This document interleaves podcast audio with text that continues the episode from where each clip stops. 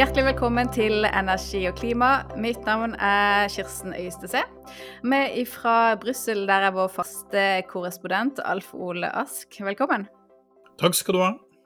I går så ble det klart, til tross for at 28% av velgerne valgte å sitte hjemme, så fikk president Emmanuel Macron 58,55% av stemmene, og dermed fornya tillit og fem nye år som Frankrikes president. Og I seierstalen så sa Macron at han ville være en president for alle og gjøre Frankrike grønnere og EU sterkere. Hva betyr det for EU og ikke minst for europeisk klimasamarbeid at Macron vant over ytre høyres kandidat Marine Le Pen? Ja, det, er, det er ikke noe tvil om at det var viktig. Eh, nå hadde man jo en, eh, et valg i eh, Ungarn for noen uker siden hvor Viktor Orban ble gjenvalgt med stor margin. Og han er jo ikke akkurat kjent som noen grønn klimapolitiker, og har vært en av de som har stukket mye kjepper i hjulene for, for EU. Eh, på mange områder, men særlig også på klima. Eh, og det er klart at når EU nå får valgt en fransk president som er særdeles EU-vennlig, og som på, i, lang, i hvert fall i de store trekkene eh, slutter seg til EUs klimapolitikk, og man får gjenopprettet og, og også for fem nye år den tysk-franske aksen, så er dette veldig, veldig viktig for EU i en krisetid.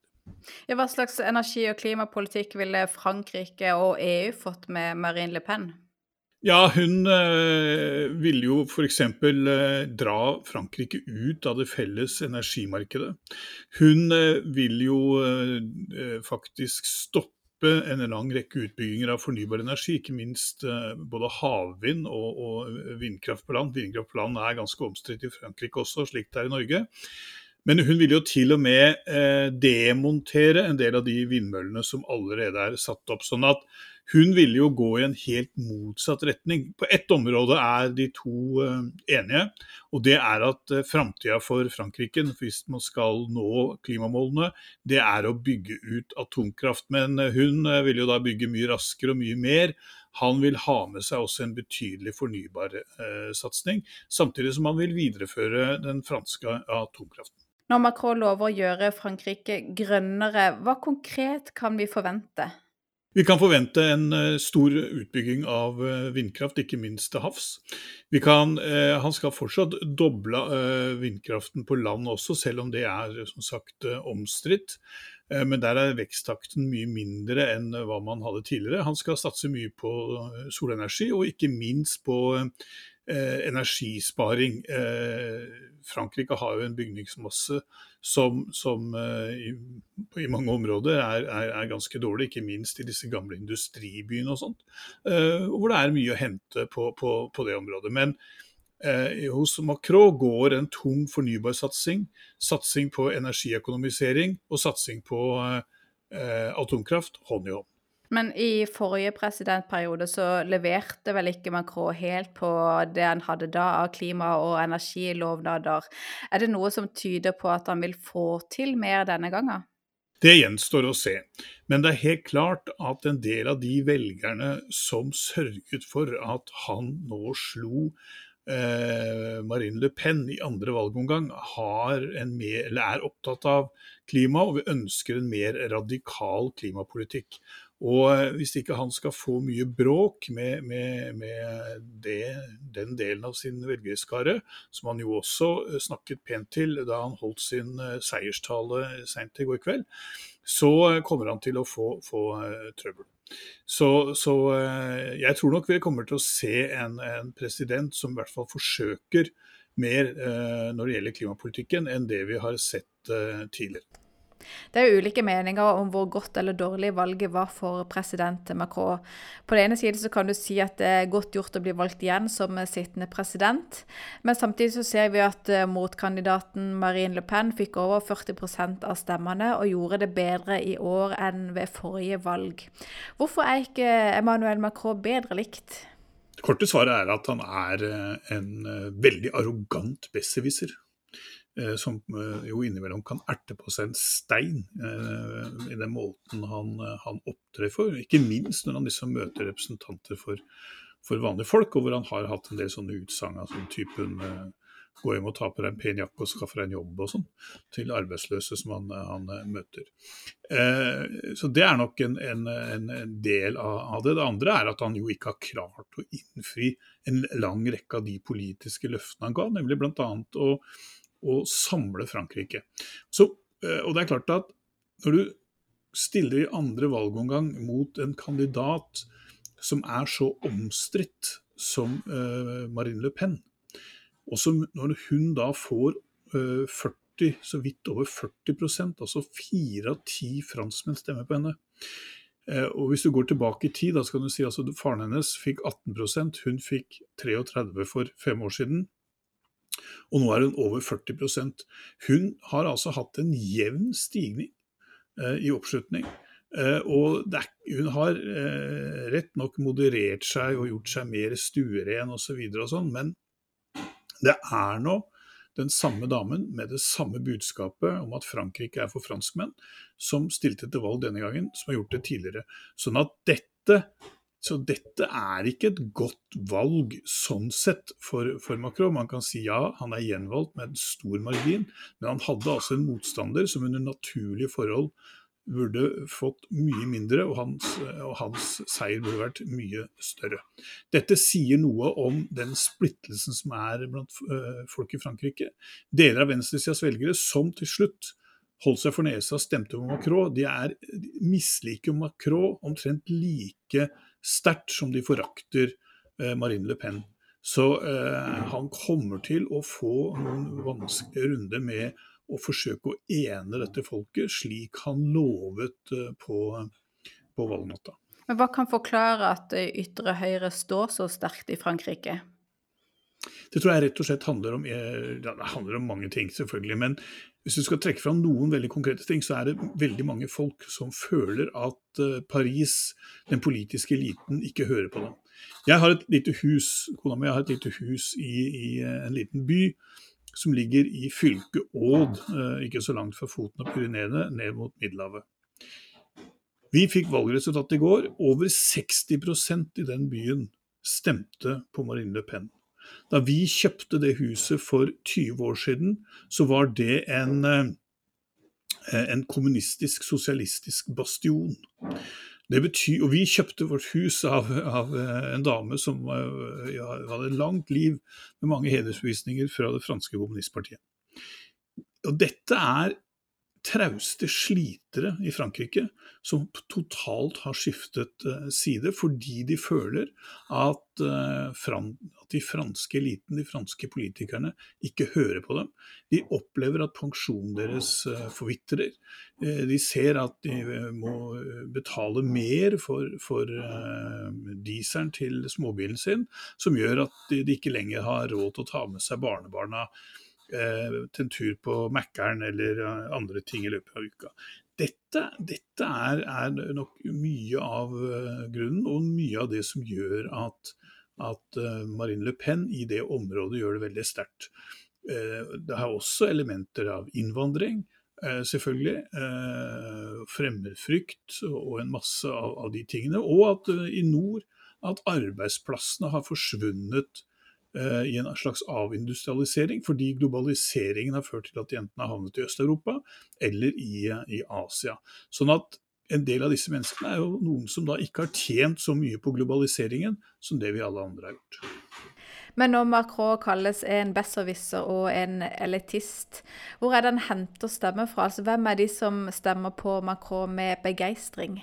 Eh, middelklassen i Frankrike eh, liker Macron. Jeg har mange venner jeg, i, i, i Sør-Frankrike som, som, stemmer på han med, med entusiasme, som, som, mener at en del av reformene hans, eh, både når det gjelder pensjoner og andre ting, er riktige, fordi Frankrike må slanke sin offentlige sektor og, og sånne ting. Så det er klart, det, du, du, vinner ikke et valg bare ved at uh, folk stemmer på deg fordi de misliker alternativet mer. Men, men, men det er klart at at, at eh, han vil slite med å klare å, å, å forene både venstresida og høyresida i Frankrike som den eh, sentrumspolitikeren er. Og han har vist i praksis at han lener seg ofte mer til høyre enn til venstre. Macron er jo, som du nevnte, en sterk EU-tilhenger, men innenriks så kan han gå en ganske tøff tid i møte.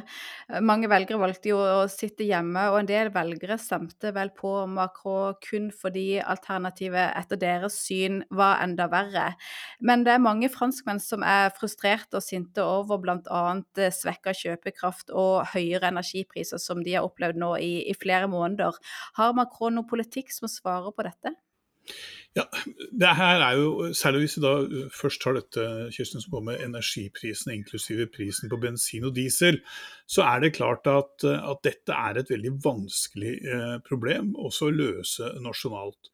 Eh, Problemet i Frankrike er jo at det er de høye gassprisene som også driver strømprisen opp, mens Frankrike jo egentlig i utgangspunktet har ganske mye billig strøm gjennom sine gamle atomkraftverk.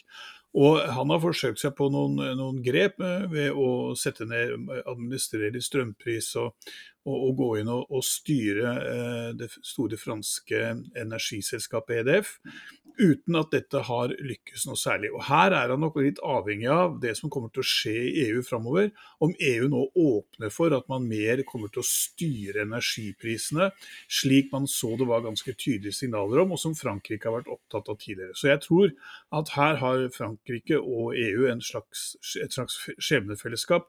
De må svare på disse utfordringene. Når det gjelder bensinprisen, så er det et annet forhold som som griper inn. EU-kommisjonen har i denne Fit for 55-pakken lagt fram forslag om å gjøre landtransport og bygg til en del av et eh, kvotehandelssystem. Noe som i realiteten vil bety økte avgifter på å oppvarme hus og på eh, å kjøpe bensin og diesel.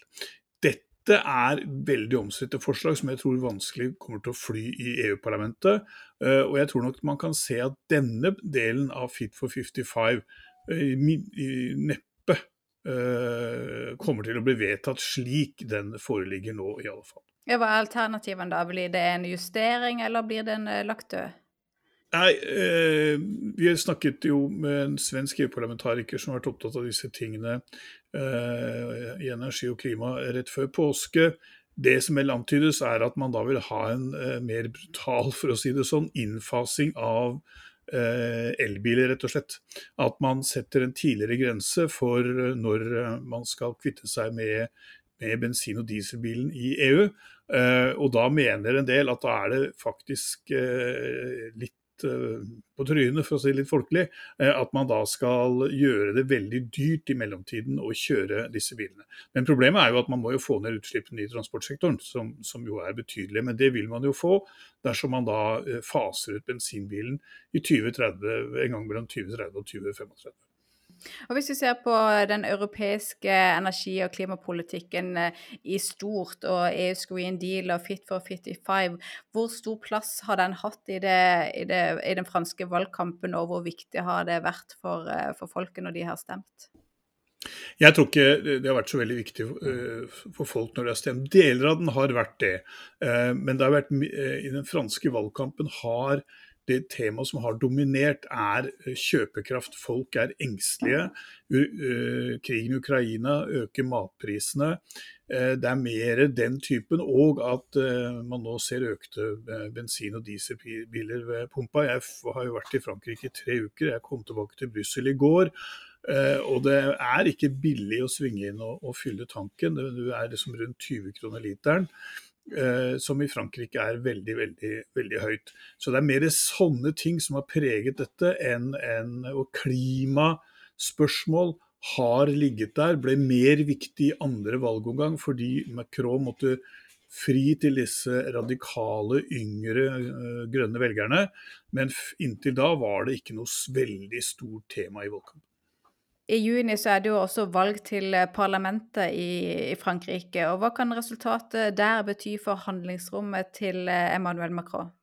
Det valget kan føre til at det blir veldig begrenset. Fordi dersom eh, han ikke klarer å få et flertall i parlamentet, så vil man få det et slags sånn politisk samboerskap, hvor da statsministeren vil komme fra opposisjonen.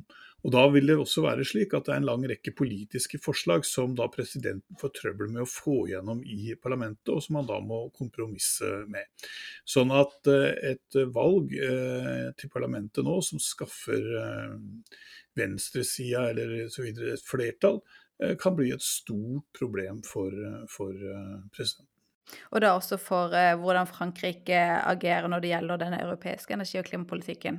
Ja, Der tror jeg kanskje ikke forskjellene vil være så store. Spørs litt eh, hvordan dette flertallet da kommer til å se ut. Eh, det er jo en del eh, forskjeller her, men det er nok heller slik at deler av opposisjonen i Frankrike vil mer kanskje enn EU. sånn at jeg tror ikke de liksom kommer til å legges på, på, tvers for det som EU foreslår, men nok, en del av den vil være mer utålmodig enn, enn det man har, har sett så langt. Frankrike har jo det roterende EU-formannskapet dette halvåret fram til eh, juli. Og pandemien og energipriskrisen og krigen i Ukraina det har jo vært med på å definere agendaen. Hva er det som er viktig for Frankrike å få til på klima- og energifeltet før Tsjekkia nå overtar eh, formannskapet i juli? Ja, nå har jo Frankrike faktisk da klart å få til en av sine store prioriteringer. De har også klart å få en slags politisk enighet om denne karbontollen. CBAM, som eh, den heter på EU-språket. EU er jo helt fantastiske til å lage sånne forkortelser og kronymer. Eh, det sitter en eller annen liten jævel nede i, kjelleren på Bellamont og bare finner på sånne vanskelige, vanskelige ord som det. Det er jeg helt sikker på. Eh, men, men så, så det, det, er klart det har vært en stor seier for, for, det franske formannskapet. fordi de har jo, eh, og Det var altså en del av valgkampen til Macron, at de liksom ønsker å sørge for å skjerme eh, den europeiske industrien for konkurranse fra bedrifter som da ikke er omfattet av, av f.eks. CO2-avgifter. Og eh, at dette da skal fremme eh, et grønt industriskifte i Europa. Så, så sånn sett så, så, har de fått igjen noe av det store. Det, andre, det, det, som er viktig nå, er på en måte at eh, Rådet, altså medlemslandene og Europaparlamentet, begynner å forhandle om en del av de andre store sakene eh, som ligger der. Og en av de tingene som kommer nå, som til og med kan bli skjerpet, er f.eks. For fornybarandelen. Som i utgangspunktet kommisjonen har foreslått til 40% i 2030, men hvor de nå signaliserte i en høring i parlamentet ganske nylig, i påskeuka, at de kan tenke seg å øke til 45, fordi dette vil hjelpe de til å fase ut den russiske gassen.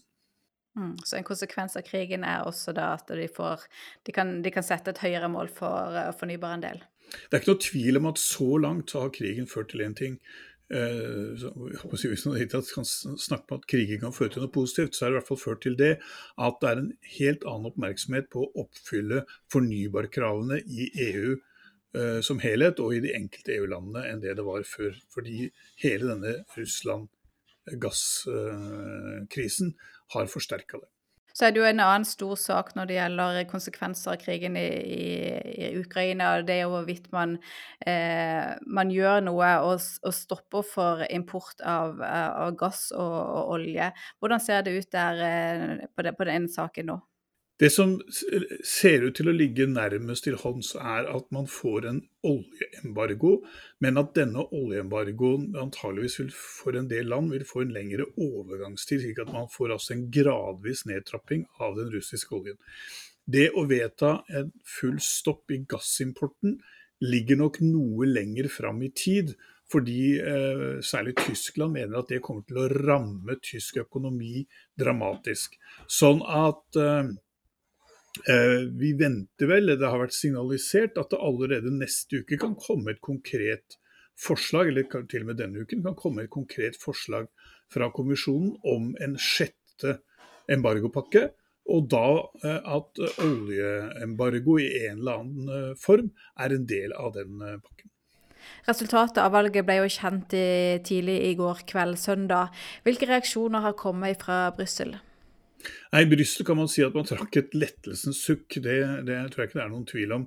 Og man så eh, von der Leyen, f.eks. Ursula von der Leyen, kommisjonspresident, var tidlig ute eh, og eh, sa hvor viktig dette valget var for, for EU. Eh, alle europeiske eh, ledere eh, nærmest, og ikke minst også den amerikanske presidenten osv., har, har eh, vært veldig tydelig på at dette har vært et bra valg, både for Nato, eh, som jo eh, Le Pen ville, sier hun ville trekke Frankrike igjen ut av det militære samarbeidet i Nato. De har vært utenfor det før, de er inne nå. Der vil jo Macron fortsatt være med. Sånn at dette er i en krisetid et stabiliserende valg. Eh, det er vel eh, det å si. Avslutningsvis, hva blir eh, president Macrons store oppgaver den neste femårsperioden? Innenriks så blir det å uh, samle Frankrike, uh, demme opp for uh, høyreekstremismen. Det kommer til å bli store problemer for han å, å få Selv om han har fått arbeidsledigheten ned, så er det store regionale forskjeller. Eh, og, han, eh, og der er det, er det, ting. Og har fortsatt, Frankrike har fortsatt et betydelig integreringsproblem. Eh, det er det som er innenrikspolitisk. På utenrikspolitiske planet så er det klart han er en viktig brikke, og har vært en viktig brikke i, i forhold til Russland under rundene i forkant av Ukraina-krigen. Og det kommer til å bli viktig hvordan han spiller sine kort på den europeiske eh, arenaen for å opprettholde Frankrikes innflytelse og eh, aksen til Tyskland. Fint. Da sier jeg takk for oppdateringen fra Brussel. Vær så god. Takk også til eh, du som lytter på. Abonner gjerne på Energi og klima i din foretrukne podkastapplikasjon. Takk for i dag.